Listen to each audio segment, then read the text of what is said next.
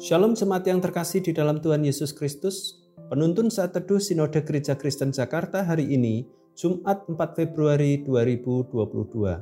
Judul renungan penginjilan yang holistik, Nas terambil dari Matius pasal 14 ayat yang ke-13 sampai 21. Setelah Yesus mendengar berita itu, menyingkirlah ia dari situ dan hendak mengasingkan diri dengan perahu ke tempat yang sunyi tetapi orang banyak mendengarnya dan mengikuti dia dengan mengambil jalan darat dari kota-kota mereka.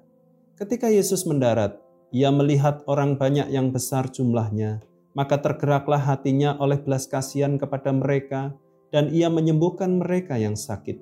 Menjelang malam, murid-muridnya datang kepadanya dan berkata, "Tempat ini sunyi dan hari sudah mulai malam." Suruhlah orang banyak itu pergi supaya mereka dapat membeli makanan di desa-desa. Tetapi Yesus berkata kepada mereka, "Tidak perlu mereka pergi. Kamu harus memberi mereka makan." Jawab mereka, "Yang ada pada kami di sini hanya lima roti dan dua ikan." Yesus berkata, "Bawalah kemari kepadaku." Lalu disuruhnya orang banyak itu duduk di rumput dan setelah diambilnya lima roti dan dua ikan itu, Yesus menengadah ke langit dan mengucap berkat, lalu memecah-mecahkan roti itu dan memberikannya kepada murid-muridnya. Lalu murid-muridnya membagi-bagikannya kepada orang banyak. Dan mereka semuanya makan sampai kenyang, kemudian orang mengumpulkan potongan-potongan roti yang sisa 12 bakul penuh. Yang ikut makan kira-kira 5.000 laki-laki tidak termasuk perempuan dan anak-anak. Desmond Tutu, seorang aktivis hak-hak sosial di Afrika Selatan pernah mengatakan kalimat sindiran yang tajam. Ketika misionaris datang ke Afrika, mereka membawa Alkitab dan kami memiliki tanah itu. Mereka berkata, "Mari kita berdoa." Kami menutup mata ketika kami membukanya kami memiliki Alkitab dan mereka memiliki tanah itu. Perkataan ini menyindir gereja yang sering kali hadir di sebuah tempat namun hanya memikirkan soal kerohanian, tapi tidak kesejahteraan jasmani.